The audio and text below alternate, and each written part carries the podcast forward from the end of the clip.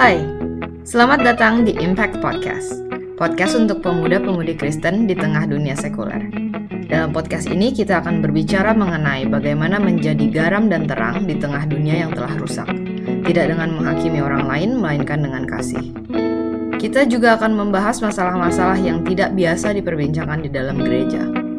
Semoga dari mendengarkan podcast ini, kalian terdampak dan menjadi dampak yang baik bagi orang lain di sekitar kalian. Selamat mendengar.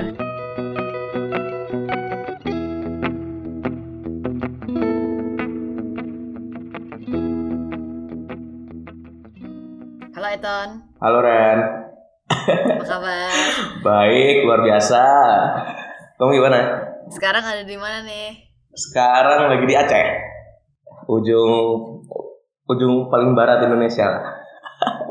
Iya. nah ya di sini lagi ini garap ini. Eh, kemarin tuh aku ikut tes untuk masuk salah satu BUMN gitu. Nah sekarang waktu penempatan dapatnya di ditempatkan di Aceh. Gitu. Hmm, Lagi- Susah loh masuk BUMN, diterima di BUMN. Bangga. Hmm. Ngerjain project apa di Aceh? Lagi bangun jalan tol Trans Sumatera.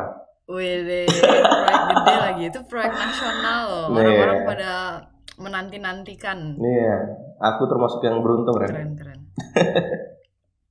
keren, keren, keren. Nah, terus eh, Eton ini jadi sebenarnya Eton ini adalah adik kelas junior, junior, junior, Junior. pas di Unut, di Yo. Teknik Sipil Unut. Kita satu Hidup jurusan. teknik.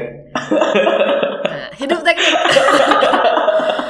Terus Eton ini sangat amat terkenal di nggak cuma di angkatannya tapi di angkatan senior senior karena rambutnya yang kribo. Jadi karena penampilannya yang sangat amat nyentrik. Terus dikenal juga, dikenal juga sama teman-teman eh, sebagai anak band, Iya, iya, iya. drama. Iya. Kayaknya lebih di- dikenal sebagai anak band di- daripada anak teknik ya. Jadi waktu Dan masuk, kribo. iya dan kribo betul. Cerita dong awal kamu tuh main drum, kamu tuh bisa ngedrum dari kecil, Hmm. apakah itu talenta emang dari kecil atau gimana? Oke, dulu waktu kecil itu sebenarnya aku orang tua tuh berharap aku tuh jadi pianis, Ren. karena karena aku kan di gereja di gerejaku di Bali itu kayak yang ada tuh cuman eh, piano dan keyboard Hmm. gitu. Hmm. Dan orang tua aku tuh kayak menghayal gitu suatu saat anakku harus bisa ada di situ gitu. Dan benar akhirnya dilesin gitu. Cuman waktu perjalanan dari SD itu les, aku rasanya kok aku lebih suka beat beat drum ya kayak gitu. Cuman Ah. tiap nanyain "Eh, boleh nggak aku les drum? Oh nggak bo- nggak boleh gitu, nggak seru tuh, lu nggak bisa main di gereja kalau kayak gitu. ya. Karena gerejaku ya emang nggak ada drum kayak gitu. Ah. Akhirnya aku sempet tuh SMP eh, punya kesempatan eh, ketemu sama teman-teman yang emang suka ngemusik gitu. Suka musik. Ah, terus kayak akhirnya nongkrong-nongkrong lah di apa studio band gitu Hmm. sampai akhirnya diajak eh, diajak coba lu main drum gitu. Oh iya ya Hmm. waktu main drum padahal nggak pernah les sama sekali terus waktu disuruh mukul drum ya udah jalan aja gitu kayak oh ini nyambung ini ternyata gitu terus akhirnya dari SMP udah mulai ngedrum udah punya band punk juga terus SMA Anak pang. anak punk. SMP saya udah pulang subuh mainnya di Kute di Legian kayak gitu. SMP loh ya ampun. SMP terus ya udah di SMA tuh pas waktu itu ada kayak tiap tahunnya ada festival band gitu. Ikut di situ ya udah kenal ternyata di SMA ini ada anak-anak yang eh, seleranya sama gitu Hmm. akhirnya bertemulah sama teman-temanku yang eh role class itu itu teman-teman Hmm. SMA nah dari situ udah masuk ke kuliah udah makin serius kita udah nggak yang kayak cover lagi tapi udah yang kayak buat album Wow. Gila, berarti udah lama juga ya roll fast itu ya ban- bandmu? Ah, dari tahun 2011 akhir 2011, 2011 akhir. akhir. Iya itu Hmm, berarti awal aku 2012 masuk lah. kuliah. Hmm. Iya. Aku tuh tahu roll fast itu tuh eh, setelah di manajerin sama Nathan sebelumnya aku nggak tahu nah terus aku baru tahu oh Iya, Nathan temenmu si ya? Eton tuh drummer drummernya Rolfas gitu aku jadi mikirnya kalau si eh, Nathan itu yang Iya. berat kayak gitu loh aku mikirnya begitu Hmm, hmm, hmm, ternyata dari hmm. sebelum itu udah ada Sebelum itu udah ada, cuman terus kayak ternyata beberapa teman tuh kenal sama Nathan gitu. Ya udah, pa- waktu kuliah itu udah Nan, eh, Nathan, lu jadi ini ya manajer ya? Ya, wah dari situ dia udah kayak eh, nge-manage dengan baik gitu band itu. Hmm. Sampai akhirnya punya banyak kesempatan eh, main di Jawa, di Sulawesi, sampai ke paling jauh tuh ke Jepang. Tiap kita datang itu kan pasti si Nathan juga udah nge-manage kita nih bakal ketemu Hmm. dengan pergaulan yang satu genre gitu. Jadi Ah, oh gitu. rame terus. gitu. jadi mereka memang mencari aliran si Rolfas inilah A- Iya. apa alirannya Eh, psychedelic rock. Rock bas- basicnya sih rock sih ya, kayak Iya, terus iya. kayak terserah lah rock yang dieksplor psychedelicnya apa. tambahannya Tahu gak sih psychedelic itu tuh Eh. sebenarnya bukan bukan aliran musik awalnya psychedelic Eh. tuh apa sih kepercayaannya kayak Hmm, gitu iya. ancient Aku malah- ancient hmm. Religion gitu loh dia yang kayak Ya, minum iya. ramuan-ramuan Iya, iya, untuk iya. bertemu dengan Tuhan Tuhan mereka gitu yang menganggap Iya, iya. Tuhan gitu Iya, iya. Nah, Betul, terus betul, ternyata betul. jadi jadi genre musik dan Mm-mm. itu genre musikmu. Oke oke. Iya. Aku memaknai itu sih sebagai kebebasan ya. Artinya dulu kan rock, rock tuh orang bilang ada yang uh, Iya. hard rock, ada apa Iya. slow rock kayak gitu. Tapi kayak ditambahin imbuhan psychedelic itu kayak biar lebih uh, membebaskan rock gitu. Iya iya iya. Biar beda lah. Biar beda lah. Iya. eh terus eh, kan aku tuh taunya kamu, maksudnya kita nggak terlalu kenal deket gitu ya, tapi aku Hmm. taunya tuh kamu Eton, Eton tuh drummer gitu. Nah terus kan kita teman di Instagram kayak gitu kan. Iya, iya, Terus aku iya. lihat, wah kayaknya yang di Instagram nih fotonya foto-foto pelayanan di gereja nih kayaknya kayak gitu kan. Wih mantep juga nih kan anak band gitu, anak bandnya anak band rock gitu lagi. Tapi pelayanan di gereja juga kayak gitu. Berarti tuh kamu melakukan keduanya secara berbarengan, gimana itu? Iya, jadi kayak nah serunya tuh di situ sih sebenarnya. Aku tuh ba- baru menyadari itu sekarang gitu. Di zaman-zaman aku mulai serius ngeband gitu, ternyata pelayananku juga eh, banyak gitu. Artinya Hmm. eh, skill drumku diasah, terus dulunya yang aku cuma pelayanan sebagai eh, pianis gitu kan, ternyata udah bergeser ke main drum dan main drumnya itu juga bukan yang di satu gereja lagi, artinya kayak di gereja-gereja lain tuh aku juga diajak Hmm. aja kayak gitu. Jadi berjalan dua-dua tuh berjalan gitu.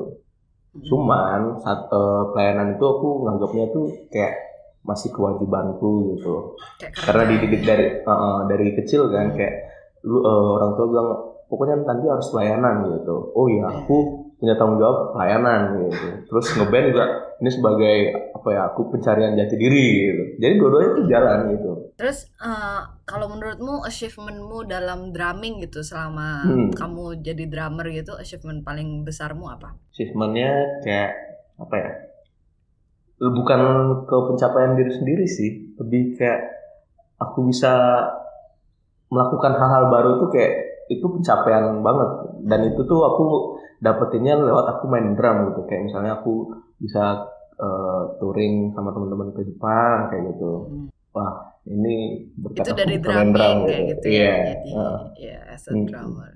Wih, berarti kamu udah itu dong me- menjamah dunia internasional, kancah internasional asik. bahasanya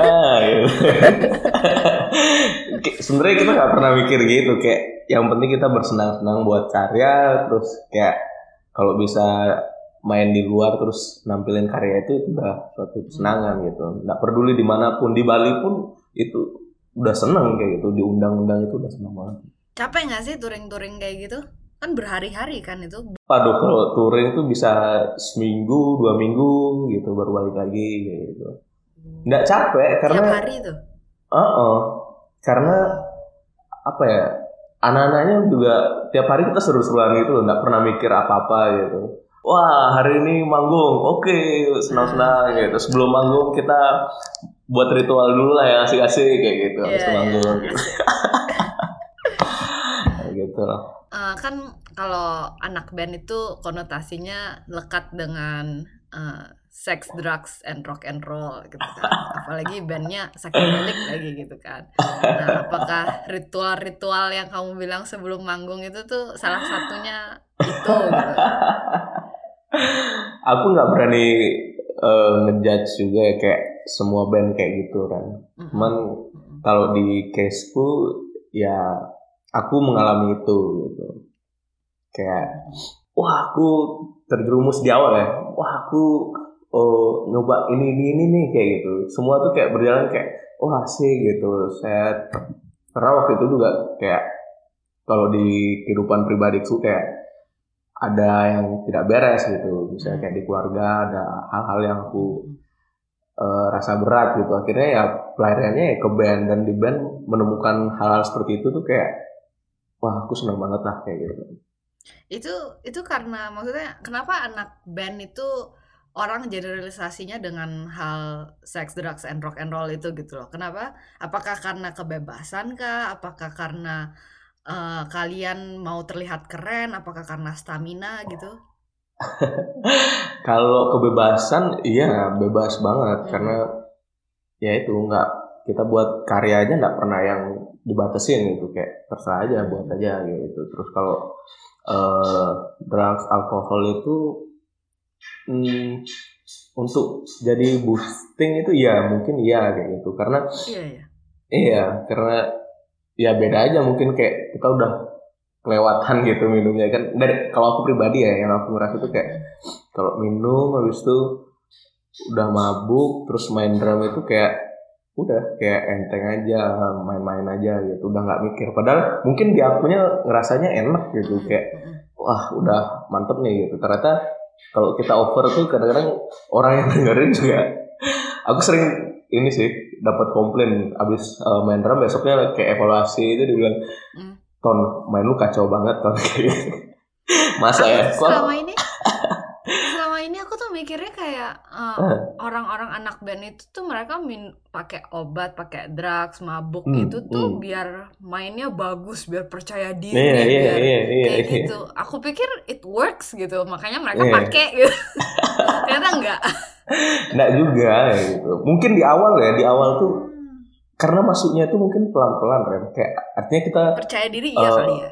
ah kayak artinya kayak eh, nyobain minum terus segala macamnya Hmm. itu kayak nggak langsung ber gitu kan Hmm. Cuman lama-lama kan akhirnya eh dibilang mereka aku sendiri dulu nggak percaya kecanduan gitu, tapi ternyata kalau aku Hmm. nggak pakai ini aku nggak bisa gitu, nggak pede gitu. Jadi Gitu ya, akhirnya, jadi uh jadi gitu kayak, jeleknya efeknya. mm, mm, mm. jadi kayak kalau mau main akhirnya punya eh, mindset tuh kayak aku sebelum mainnya aku harus dapat ini, aku harus pakai ini kayak gitu. Cuman lama-lama ya Terus itu kamu mulai ini. adiktifnya gimana? Kayak apakah kamu sekali nyoba aja tuh bisa langsung addicted atau kayak berkali-kali kayak kok bisa terus-terusan kayak gitu loh, bisa dapet juga terus-terusan gitu. Hmm, hmm, hmm. Waktu masuk kuliah itu kan makin ini ya, bandku makin jalan gitu, makin banyak diundang gitu ke Hmm. eh, ke mana-mana lah, banyak juga ketemu pergaulan-pergaulan baru kayak gitu. Ya, Nah di situ tuh kayak ya itu kita eh, bertemu dengan segala macam tipe orang gitu, dengan segala macam kebiasaannya mereka gitu, dan pas aja waktu itu kayak ada beberapa pergaulan yang kayak eh make juga kan kayak gitu. Hmm. Jadi kayak ya udah nyambung akhirnya dari situ eh jadi mencari hal itu bukan ini lagi bukan suatu kesulitan gitu. Jadi Iya, iya, iya. Hmm, jadi tiap minggu tuh pas datang pasti udah tahu teman-teman yang bakal ngasih aku substansi ini siapa aja aku udah tahu gitu. Jadi ya gampang terus akhirnya tahu di mana tempat belinya, akhirnya mulai kecanduan, mulai nyetok lah tiap hari. Jadinya udah candu. Terus berarti kalau kamu mulai beli-beli gitu duitmu habis dong buat beli-beli gitu. Mahal habis kan? rent. aku ngeband itu ya dari 2011 sampai anggaplah 2018 gitu. Itu sepeser pun itu nggak pernah ada yang hasil bandku itu menjadi tabunganku tuh nggak ada. Serius? Jadi itu udah kamu pakai kamu habisin buat alkohol dan segala macamnya itu?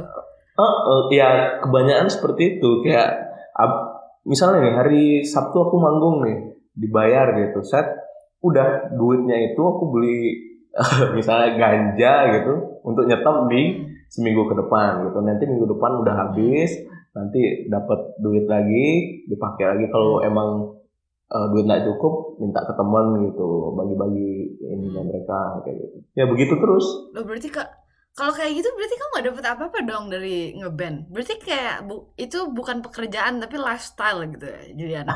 iya ya kalau duit ya itu emang kalau dibilang nggak dapet dapet cuman habis gitu. Aku nggak bisa memanage dengan baik gitu. Tapi kalau dari experience ya banyak banget. Bukan artinya aku ngelihatnya itu memang ada hal yang tidak baik yang aku salah pilih gitu. Tapi Hmm. dari segi pergaulan gitu aku ya tetap bersyukur gitu. Ketemu teman-teman banyak dikenal gitu banyak kenal orang gitu banyak kemudahan yang aku dapat itu ya itu poin plusnya gitu yang negatifnya juga ada gitu. Terus ada nggak sih anak band yang kamu tahu gitu kalau pak dia ditawarin tapi dia nolak gitu ada nggak sih? ada ada bahkan eh, salah satu temanku teman di band ya gitu. dia tahu dia pinter nge-manage dirinya gitu aku tahu Ah. aku bisa katakan tidak bisa katakan iya tuh kapan tuh dia tahu gitu. Hmm. Oh gitu. Iya. Dan dia performance-nya lebih jelek kah? Lebih nggak laku kah atau kayak gimana?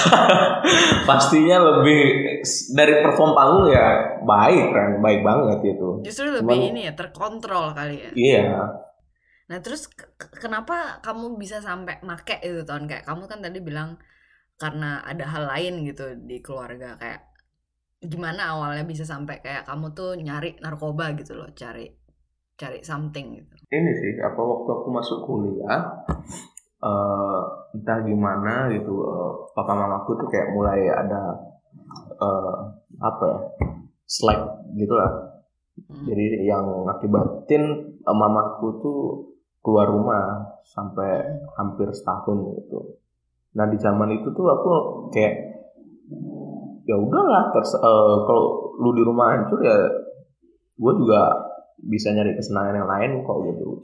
Gue sampai aku sampai kayak pernah nelfon mamaku gitu. Mah aku hari ini mati pun aku nggak urus kayak gitu. Juga keluarga aku udah hancur kayak gitu. Hmm.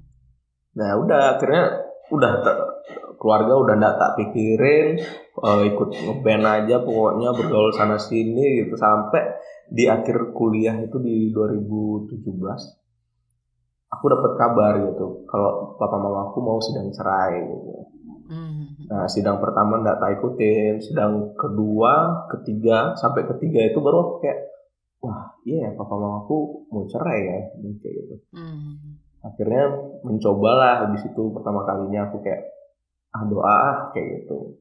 Karena nggak tahu lagi Itu gimana nih setelah caranya. kamu berapa lama makin narkoba dan hidup ugal-ugalan kayak gitu? Aku dari 2012, 2017 itu berarti udah lima tahun ya, lima tahunan lah. Oh. lima tahunan udah make wah itu udah susah maksudnya udah artinya aku nggak menganggap itu tuh sebuah kesalahan lagi itu udah kebiasaanku gitu Hmm, hmm, hmm, hmm. jadi orang-orang juga teman-teman di pergaulan juga udah tahu kayak gitu eh tentu seperti itu jadi kayak Hmm. di hari papa mamaku mau cerai terus aku doa aku bilang Tuhan kalau papa mamaku eh, balik lagi mereka Hmm. mau bersatu lagi aku mau eh, tobat kayak gitu. Jadi ya udah kayak akhirnya sidang cerai lah mereka gitu. Atau waktu sidang itu kayak kembali gitu. Mereka mau rujuk gitu. Wah aku kaget dong kayak wah papa mamaku ternyata bisa balik ya gitu. Aku nggak nyangka gitu. Dari situ langsung yang kayak waduh udah doa lagi aku harus kayak gimana nih kayak gitu satu sisi dulu Ah. di zaman itu udah canduan banget kan gitu. tapi dari ha- hari itu akhirnya mulai kayak pelan-pelan eh, mulai ini bangun kebiasaan doa itu gitu tapi ya nggak instan kan kayak aku butuh satu tahun setelah sidang itu untuk apa namanya rehab pribadi ya. Aku sampai off Instagram, nggak komunikasi karena dulu kebanyakan ajakan itu datangnya dari Instagram kan kayak teman-teman tuh nge, nge DM gitu, di mana ton, ayo sini, ayo sini gitu. Ya udah itu Taufin. Mhm. Jadi akhirnya makin minim deh uh, pergaulan itu. Jadi aku banyak punya waktu untuk merubah itu, mencari pergaulan yang yang lebih ini lagi. Hmm, gitu. Terus eh kayak kamu kamu tuh pernah kenal sama orang yang overdosis gitu nggak sih yang kayak sampai mati kayak atau apa? Kalau Sampai membahayakan nyawa banyak orang banyak lain banget. atau dirinya banyak sendiri banget di eh, era-era itu kan kayak artinya aku nggak tahu ya kayak mungkin memang ada masanya gitu. Jadi kayak kita teman-teman gitu dari SMA gitu kan sampai kuliah terus sampai mau kerja tuh kayak kalau kita itunya bareng nah makin kenal pergaulan yang lain tuh kan makin banyak juga. Terus eh, substansi-substansi yang kita kenal tuh juga makin banyak gitu. Jadi di era-era itu tuh aku udah nggak heran ketemu eh maksudnya dikabarin eh si ini ini loh eh, tabrakan loh kayak gitu si ini meninggal loh kayak Hmm. gitu ya di hari itu kita cuman kayak bilang waduh oh oh Oh, pasti mabok Ma- gitu. pasti gara-gara mabuk ya ini pasti gini gitu ya dan emang bener Hmm. kebanyakan tuh yang kayak gitu tuh emang habis pakai kayak gitu cuman ya udah kita kayak Kamu nggak Hmm? takut ton? Nggak takut dengan kayak ada berita-berita begitu? takutnya Ren ya itu kayak hari ini kita denger itu tuh kayak waduh kasihan ya aduh jangan dah kita banyak banyak lah jangan lah bilang ke teman-teman nih besok besok nggak usah lah sampai gini-gini gitu tapi besok kalau ketemu hancur lagi gitu. besoknya lagi ada kabar gitu eh jangan lah gini-gini besoknya lagi hancur lagi gitu-gitu terus Ya itu Hmm. itu juga kayak yang aku tahu ya kayak maksudnya ya aku juga mengakui lah aku juga pernah gitu kan Eh, dan orang tuh pasti pertama kali nyoba itu pasti orangnya bilang enggak kok kayak kalau kamu cuma sekali nggak bakal adiktif kamu Yeah, bikin yeah. kecanduan ini tuh nggak bikin kecanduan Iya, kalau yang ini iya, kayak iya, gitu gitu kan iya. ngomongnya kalau Iya. yang itu baru gitu Iya iya iya iya. terus pasti pasti kan kayak kita kayak oh gitu ya nah terus sebenarnya itu tuh uh, bullshit gitu kayak bukan kayak gitu soalnya kayak gini loh yang yang bikin kecanduan itu tuh bukan substansinya sebenarnya Ah. kayak maksudnya mungkin ya aku nggak tahu secara ilmiah gimana tapi Heeh. uh, secara substansi itu emang kebanyakan uh, drugs itu tuh bu- bukannya bikin kamu kecanduan tapi yang bikin kamu kecanduan tuh Kita sendiri. feelingnya pas Iya, kamu melakukan betul. mengkonsumsi itu gitu kan Iya. jadi kamu Rindu pengen rasa gitu. high terus Ah, kayak gitu Rira rira rindu rasa. iya oh itu istilahnya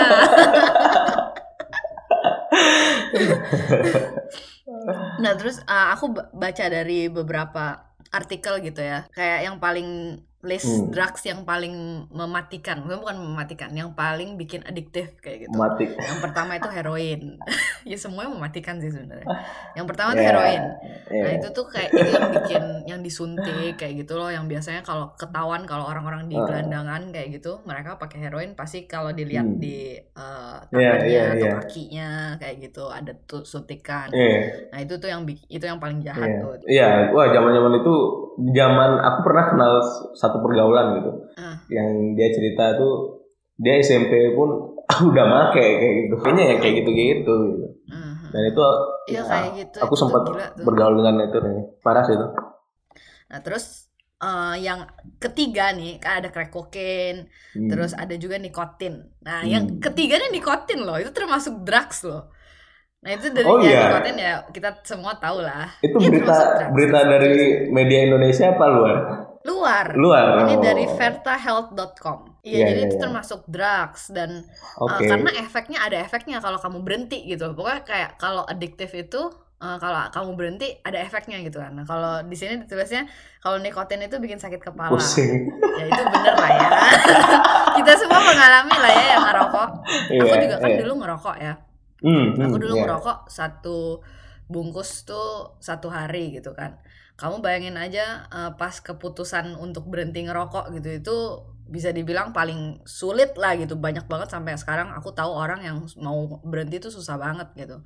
Nah itu kayak gitu. Kalau misalnya kamu berhenti ngerokok, kamu tuh eh, sakit kepala. Akhirnya aku berhenti ngerokok. Aku karena aku niat juga sih karena boros kan. Tiap kamu bayangin aja satu hari satu bungkus tuh bisa dapat apa gitu kan aku rasa kayak kalau misalnya aku nggak mulai ya pertama gara-gara niat kan kalau aku nggak mulai karena aku niat dulu Iya, kayak aku iya. nggak mungkin bisa gitu ini karena aku Iya. Iya, karena Oh, bisa, emang niat pengen bisa. berhenti ngerokok dan Susah. maksudnya aku kalau sendiri gitu aku nggak bisa lah ini kayak Hmm. itu juga Tuhan yang kayak kasih hikmat gitulah buat Iya, aku kemampuan gitu buat aku berhenti. Iya. Iya.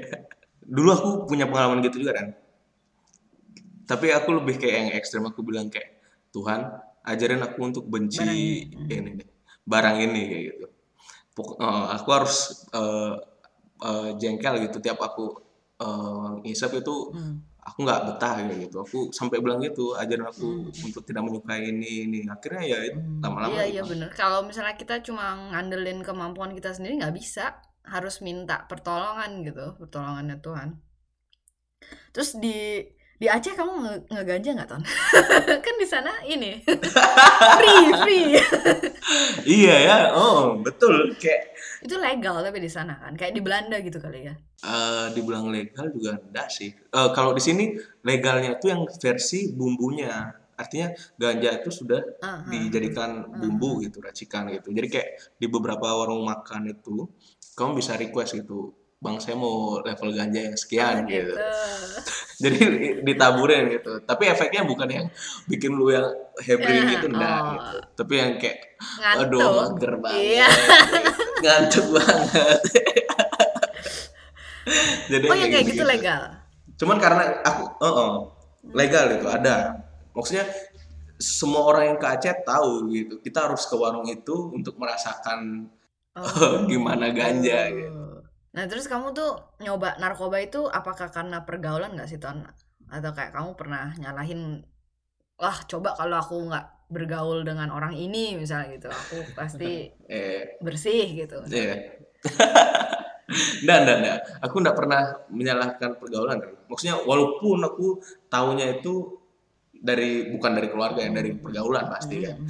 tapi aku nggak pernah mau nyalain pergaulan kayak gitu karena aku bisa melihat gitu loh ternyata ada yang bisa kontrol gitu. Tapi di caseku aku nggak bisa gitu. Sekalinya kecanduan tuh udah yang wah terus lah gitu. Jadi emang ini sih nggak pernah nyalain pergaulan. Pergaulanku nggak pernah salah bandku nggak pernah salah malah aku bikin aku seneng itu band gitu. Tapi Iya. untuk kecanduan itu itu eh, semuanya karena pribadi aku sendiri. Iya benar.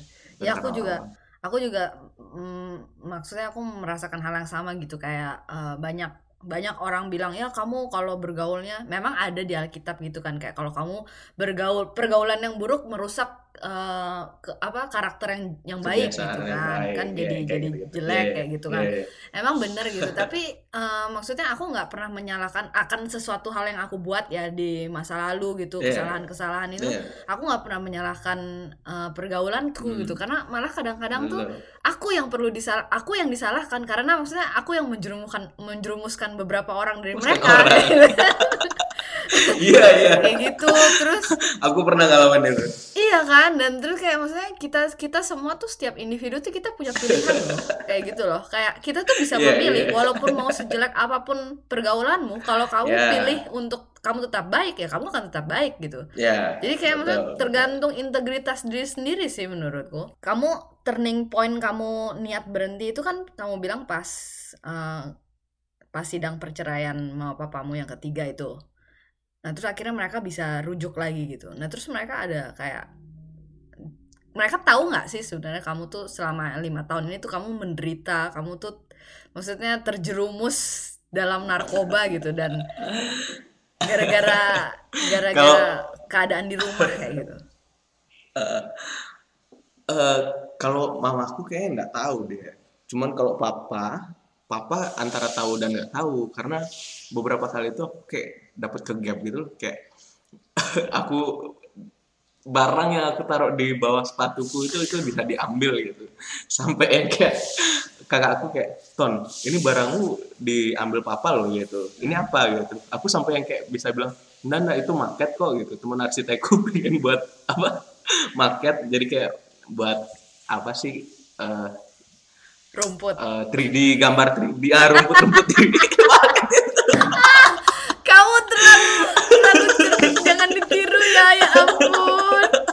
Jauh. itu market market kayak gitu jadi bukan bukan itu bukan ini kok kayak gitu gitu tapi akhirnya waktu turning point itu kayaknya orang tua aku nggak menyadari itu Hmm. kalau aku tuh sebenarnya udah kecanduan karena aku masih bisa pelayanan juga kan sebelum sebelumnya gitu tapi Hmm. pelayananku juga udah sebenarnya sudah mulai berubah gitu di era-era itu tuh kayak aku baru menyadari yang ternyata pelayanan tuh bukan kewajiban Hmm. gitu ternyata kerinduan gitu Hmm. pelayanan tuh bukan lagi yang kayak aku harus mengurusi kunci apa yang paling enak aku pakai di hari Minggu gitu bukan itu lagi tapi lebih kayak gimana lirik itu bisa tersampaikan tapi musik Iya. ini membawa lirik itu eh, membawa bawa lirik ini ke jemaat tuh bisa merasakan Tuhan udah kayak gitu-gitu tapi ya itu satu sisi sudah bisa merasakan artinya lirik di gereja itu udah semakin dalam tapi satu sisi aku masih kecanduan gitu. Kayak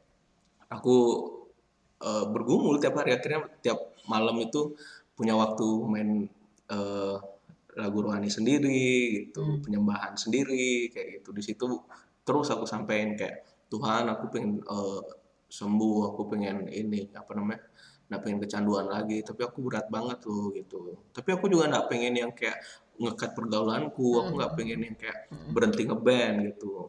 Aku eh, bilang sama Tuhan kayak Tuhan aku bakal eh, eh, totalitas di band aku juga bakal totalitas untuk cari kerjaanku. Di pelayananku juga aku mau tota- Hmm. totalitas. Sampai Tuhan tunjukin jalan mana yang terbaik yang eh, buat aku gitu Hmm. menurut Tuhan Yesus kayak gitu. Ya udah akhirnya ternyata bener di 2019 itu kan bandku ini baru selesai rekaman album kedua kan Hmm. Nah di rekaman album kedua itu pun aku juga eh, ikut tes ini yang di tempatku sekarang ini tes BMN ini. Ya dua-duanya jalan. Akhirnya eh, band eh, album kedua selesai, terus pengumuman juga di aku ingat banget kayak di hari terakhir rekaman nih Ren, hari terakhir rekaman Hmm. itu pas pengumuman eh, BMN ini Wow. bahwa aku lolos sampai tahap terakhir kayak gitu. Wede. Uh itu kayak waduh ini gimana ya itu kamu masih ada yang kayak tuh, gitu Ton. It- itu udah stop cuman Ah. minum tuh masih gitu loh Iya, tapi enggak yang sampai mabuk banget Iya, kayak artinya kayak lepasnya masih dikit-dikit Iya. gitu eh, ternyata Ih, wah Tuhan lolos Tuhan nih. tuh kasih kamu semuanya tuh tepat banget pada waktunya gitu ya dan kayak kayak dikasih reward gak sih maksudnya ini loh kalau kamu tuh benar ini loh yang kamu dapet gitu makanya kayak aku kalau sekarang tuh aku sering tarik nafas panjang gitu kan kalau di Instagram kan sering Hmm. eh, mengingatkan memori di tahun ini ah tahun iya ini, iya iya iya iya Jadi kalau aku ke flashback tuh aku kayak iya ya dulu pernah sampai Iya, segitunya iya, ya iya, gitu. iya. Tarik nafas lagi kayak ah ya udahlah ya gitu. Sekarang aku udah dikasih eh, kehidupan baru jadi kayak aku harus jalanin yang baru. Iya, gitu. iya. Dan Di Aceh pun ka- kamu tuh Hmm. semua doamu tuh di- dijawab sama Tuhan, benar-benar dikabulkan Iya. sesuai apa yang kamu minta. Keren ya dari Maka dari keluarga itu- kan terutama dari keluarga. Terus kamu mau berhenti kamu dikabulkan. Mau papa rujuk. Terus eh, kamu mau tetap ngeband ya kan. Terus sama kamu dapat kerjaan. aku soalnya percaya ada firman tuh yang bilang kayak oh, Hmm. kalau satu orang benar tuh satu keluarga tuh bisa diselamatkan gitu. Yes, itu aku yes, pegang yes. betul itu. Iya. Itu benar. aku nggak tahu ya itu di mana gitu, tapi aku percaya itu Ah, gitu. tahu. dan zaman zaman aku tobat tuh kan udah mulai rajin baca ini kan baca Alkitab gitu kan Mm-mm. jadi ayat apa yang bikin aku tersentuh banget sampai nangis nangis tuh aku coret semua di tembokku tak tulis eh, bahwasanya untuk selamanya kasih setianya yang kayak gitu gitu Mm-mm. Itu jadi tiap pulang dari pergaulan dari bergaul di mana pun tuh masuk kamar tuh itu yang aku lihat gitu Iya, iya. mau berangkat itu yang aku lihat Iya, dan itu iya. aku pastikan aku baca itu semua kayak gitu. Mm-mm. Iya benar. jadi eh, sampai akhirnya mulai kayak entah gimana ya eh, aku mulai ndak nyaman dengan eh, kecanduanku itu gitu. Mm-mm. make ganja itu udah mulai ndak nyaman sampai pernah yang aku beli satu ini ya satu garis gitu. Satu garis lama nggak beli satu garis. Beli beli satu garis kan aku set. nggak nyaman nggak nyaman loh kayak gitu. Matiin gitu. Besok eh, malamnya aku doa. Eh, Tuhan kalau besok aku eh, nggak nyaman lagi pakai ini aku jual gitu. Kamu jual, bukan dibuang.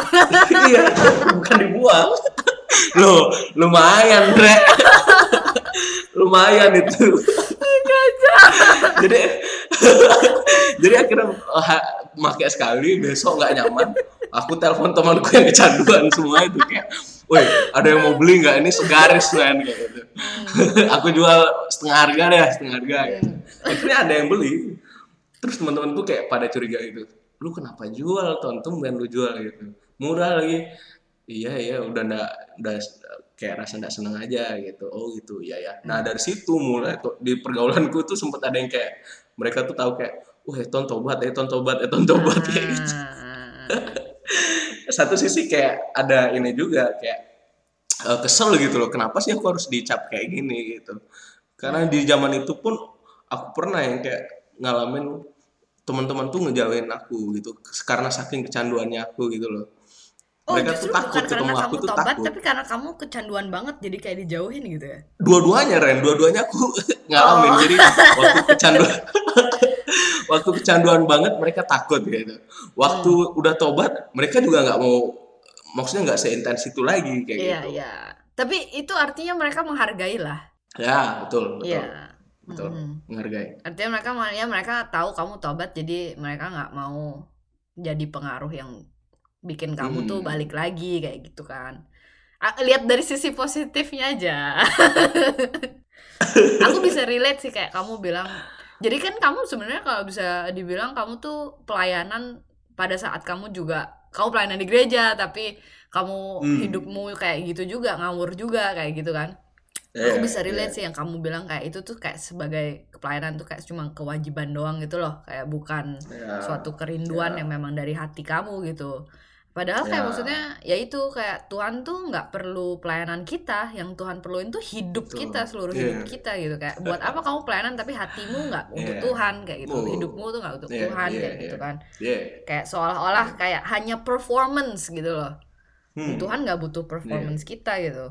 betul Terus sekali kayak eh, kamu pas kamu bilang kamu eh, mulai berhenti tuh kamu tulis firman Tuhan, kamu mulai rajin Alkitab. Itulah sebenarnya Tuhan pengen kan kayak kita tuh punya relationship gitu. Jadi kayak pikiran kita Hmm. tuh dipenuhi sama firman Tuhan bukan dipenuhi firman sama yang Tuhan lain-lain. betul Saat hmm. kayak pikiran kita tuh penuh sama firman Tuhan, yang lain itu tuh nggak bisa nggak ada celah buat masuk kayak gitu loh. Kayak nggak ada nggak ada lagi ruang untuk Iya. yang jelek-jelek itu masuk kayak gitu.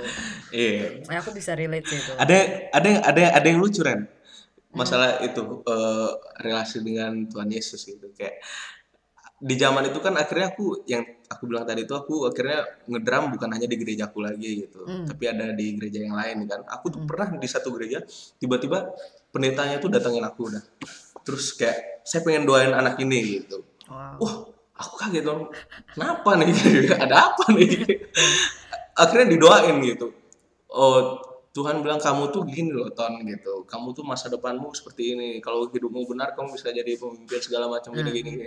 nah di situ aku bertanya kok bisa ya? Mana eh, orang tuh bisa ngobrol gitu sama artinya dia tahu apa Ah. yang Tuhan katakan gitu. Iya, itu aku mencari-cari itu kan kayak ah gimana caranya mereka dia bisa ngobrol nih? Gitu. sampai akhirnya aku baru tahu ternyata eh, gimana cara Tuhan berbicara tuh ya lewat firman yang kita baca Iya, terus setiap apa pun pikiran positif yang kita rasakan Iya, iya, itu ya Roh Kudus yang ber- berbicara gitu. Iya iya iya benar benar benar. Kalau dilihat gitu dari ceritamu, kamu tuh pertama kali kamu terjerumus dan pakai narkoba itu karena kamu karena keluarga kan karena ada masalah dalam keluarga kayak gitu. Iya, Terus iya. kamu Hmm. kembalinya juga kayak maksudnya kembali untuk bertobat gitu kembali mulai ada hubungan sama Tuhan dan kayak gitu juga karena mama papamu rujuk gitu loh. Jadi kayak sebab dan akibatnya itu tuh semuanya akarnya tuh dari keluarga gitu loh, Iya, ya kan? keluarga betul betul Nah terus betul. kayak menurutmu ada hubungannya nggak sih antara keluarga dan narkoba itu? Eh, ya semua udah apa ya kalau dilihat secara lebih jauh mungkin kayak eh, nggak ada yang kebetulan gitu loh artinya Hmm, ya. eh, apa pun bisa dipakai Tuhan gitu ternyata uh, lewat keluarga, lewat bahkan hal tidak baik pun itu sebenarnya bisa jadi uh, cara Tuhan untuk ngebentuk kita gitu. Iya, iya, iya. Jadi kayak dan aku percaya tuh ini uh, soal kasih ya, kasih Bapa itu artinya orang tua kan perwakilan uh, Tuhan Yesus di dunia Iya, gitu. betul. Hmm. Aku aku tobat itu ya karena aku ngelihat aku inget kasih eh, papa mamaku gitu. Mhm. Waktu zaman-zaman aku mau tobat itu, aku Mhm. tiba-tiba bisa ke flashback inget gimana dulu waktu aku kecil papaku gendong aku gitu. Mhm. Gimana mamaku eh, sayang betul sama aku, Hmm. aku bisa dibeliin ini ini ini ini. Itu aku keinget semua gitu. Mhm. Ka- kasihnya mereka. Kalau aku nggak inget itu, aku nggak mungkin bisa balik gitu. Kalau aku cuman fokusnya ke masalah mereka tuh, wah kacau pasti. Iya. Jadi kayak oh iya ternyata ada kasih orang tuaku gitu. Ter- terus kalau aku lihat lebih jauh lagi, oh iya ternyata ini semua tuh karena kasih Tuhan Yesus sama eh, aku sama keluargaku gitu. Iya. Itu yang bikin aku bersyukur banget sih kayak wah terima kasih sekali Tuhan aku bisa ngerasain kasih ini gitu. Iya, berarti ya itu dah kayak kalau eh, semua tuh mu- awal mulanya tuh dari keluarga gitu kan. Kalau misalnya ada kasih Iya. Tuhan di dalam satu keluarga, eh, dampaknya tuh besar gitu loh. Kalau ada pemulihan Iya. di hubungan suami istri di di suatu Iya. keluarga itu kayak akan berdampak positif juga ke anak-anak, ke semuanya. Betul. Terbalik Iya, sebaliknya iya. juga kalau misalnya ada sesuatu yang salah gitu yang tidak sesuai dengan eh, firman Tuhan kayak itu dampaknya juga ke mana-mana gitu. Jadi Iya. kayak Iya. jangan pernah berkata kalau kita tuh apa yang kita lakuin tuh hanya merusak diri kita sendiri misalnya gitu kayak misalnya pakai narkoba hanya merusak diri kita Ngaruhnya. sendiri orang lain nggak ada hubungannya kok sama orang lain ini kan urusan kan urusanku kayak gitu kan kan aku juga Iya, iya, merusaknya iya. diri sendiri gitu kan Sem- sebenarnya Ya, bohong itu. Iya itu kayak membohongi Salah. diri sendiri itu kayak alibi gitu loh. Sebenarnya kan eh, apa pun yang kita lakukan itu tuh kita punya dampak Betul. untuk orang lain gitu, bukan cuma diri sendiri. Betul. Apa pun itu, sepribadi Betul. apa pun kita tuh punya dampak buat orang lain. Apalagi soal keluarga gitu ya. Tapi ya Hmm. puji Tuhan sih eh, mau papamu bisa balik lagi, terus kalian keluarganya dipulihkan, kamu jadi bertobat. itu yang bikin sering aku terharu tuh di bagian situ tuh kok kok bisa ya keluarga ku pulih kok bisa ya aku akhirnya berhenti kecanduan Hmm. kayak gitu terus ingat oh ya pasti karena Tuhan itu tuh kayak udah kalau udah ingat itu tuh udah bisa berlinang air mata aku Iya. Iya. Terus kalau kamu balik lagi ke Bali nih, kan kamu bilang gara-gara pergaulan gitu. Nah, kan sekarang kamu lagi dijauhkan dari pergaulanmu gitu kan. Kalau kamu balik ke Bali, kira-kira kamu bakal terjerumus lagi nggak? jujur aku nggak nggak berani mastiin aku nggak Hmm. bakal atau bakal tuh aku nggak berani karena Hmm. semua kan kemampuan itu datangnya dari atas gitu kan Iya. yang aku pasti berani pastiin sekarang pun gitu bukan bukan hanya terjerumus di situ ya kan kayak ngelakuin hal yang tidak baik pun aku percaya kalau eh, lu deket gitu sama Tuhan tuh kayak lu ngelakuin lenceng dikit aja lu ada resah itu. Kayak Iya, rasa resah itu ada gitu dan ada rasa yang tidak bisa dibohongi gitu. Kayak eh, gimana aku apa namanya ya eh, sangat menghargai bapakku gitu. Rasa itu sih Iya, yang iya. nggak bisa aku apa namanya ya eh, mempermainkan rasa itu tuh nggak bisa Iya benar. Itu Holy Spirit kan, Roh Kudus yang ada di dalam kamu itu yang ngingetin kamu terus ya, yang guide kamu Ya. terus. Nah terus satu lagi nih terakhir ya kesimpulannya. Jadi kalau aku bisa simpulin dari semua kan semuanya itu yang kayak tadi kita bahas dari keluarga kan terutama. Terus terus juga kayak kalau kita tuh mencari sesuatu eh, yang bisa bikin kita happy sementara gitu itu kan kita larinya ke narkoba gitu kan karena kita pikir itu bisa bikin kita happy gitu padahal eh, Tuhan itu menciptakan kita tuh sedetail detail banget gitu sampai dia tuh menciptakan hormon-hormon yang bisa mengeluarkan rasa happy itu secara natural gitu loh. yes Nah, betul. masalahnya itu bukan Betul. bukan di tubuh kita, bukan di penciptanya gitu, tapi masalahnya tuh di kita Iya. ciptaannya di kita, kita mencari kayak memaksa untuk hormon itu keluar tidak dengan natural kayak Keluar. gitu loh. Nah terus kan kalau Yes. pertanyaannya, terus gimana dong caranya biar kayak hormon-hormon serotonin, oksitosin, endorfin. Nah, biar itu itu semua tuh bisa keluar gitu, bisa kayak kita bisa high kayak gitu ya. Gimana caranya tuh Iya. biar kayak gitu uh, saat kita banyak masalah? Ya Tuhan itu tuh nyiptain kita tuh bukan tanpa modal gitu loh. Tuhan tuh udah kasih kayak Yes. kalau misalnya Tuhan tuh seorang engineer gitu, dia tuh nyiptakan Yes. sesuatu itu dengan buku manualnya gitu loh. Kayak kita beli laptop, kita punya buku manualnya kayak gitu loh. Nah, buku manualnya udah dikasih Iya, iya, gitu loh. Kayak kita udah dikasih Bible Yes. gitu sama Tuhan. Ya, kalau misalnya kamu mau merasakan hormon-hormon nin-nin-nin itu semuanya yang bikin happy itu ya dengan baca manualnya sehingga semua bisa berfungsi secara natural gitu kan. Cuman enggak ini ya apa namanya mungkin ya timing orang itu kan menyadari itu mungkin Iya. beda-beda ya. Iya benar. Itu yang mungkin tapi ya tetap harus diingatkan terus. Semoga podcast ini dipakai juga sih kayak aku nggak tahu siapa yang bakal dengar ke depan kan. Iya. Aku tuh berdoa setiap orang dengerin podcast ini tuh karena Tuhan yang suruh gitu loh. Jadi dia mendapatkan Eh, eh. berkat dari apa yang dia dengar Itu gitu. pasti Mau bisa. juga biar Iya, iya, iya. orang-orang yang orang yang udah Kristen mereka mendengar ini tuh dengan harapan aku sih berharapnya mereka tuh jadi lebih care gitu sama orang lain kalau misalnya ada melihat orang lain yang melenceng dari jalan Tuhan Hmm. bukan berarti Hmm. mereka tuh orang jahat dan harus dijauhi gitu loh justru kita tuh Betul, harus betul, mendekati orang yang betul. seperti itu Betul ya sekali. kan karena Betul kayak sekali. maksudnya itulah orang-orang yang perlu bantuan gitu dan maksudnya kayak Hmm, kamu gitu hmm. kan nggak ada kan yang tahu kalau kamu tuh struggling loh untuk berhenti dari addiction kayak gitu loh nggak ada yang tahu kalau kamu tuh going through addiction tuh gara-gara uh, masalah keluarga nggak ada yang tahu itu gitu loh tapi kalau misalnya ada, aja ada. kita kita tuh lebih care gitu dengan apa yang orang struggle gitu kita Ya, bisa bantu banyak ya. orang men Mm-mm. At least, at least kalau lu maksudnya di lingkup gereja nih,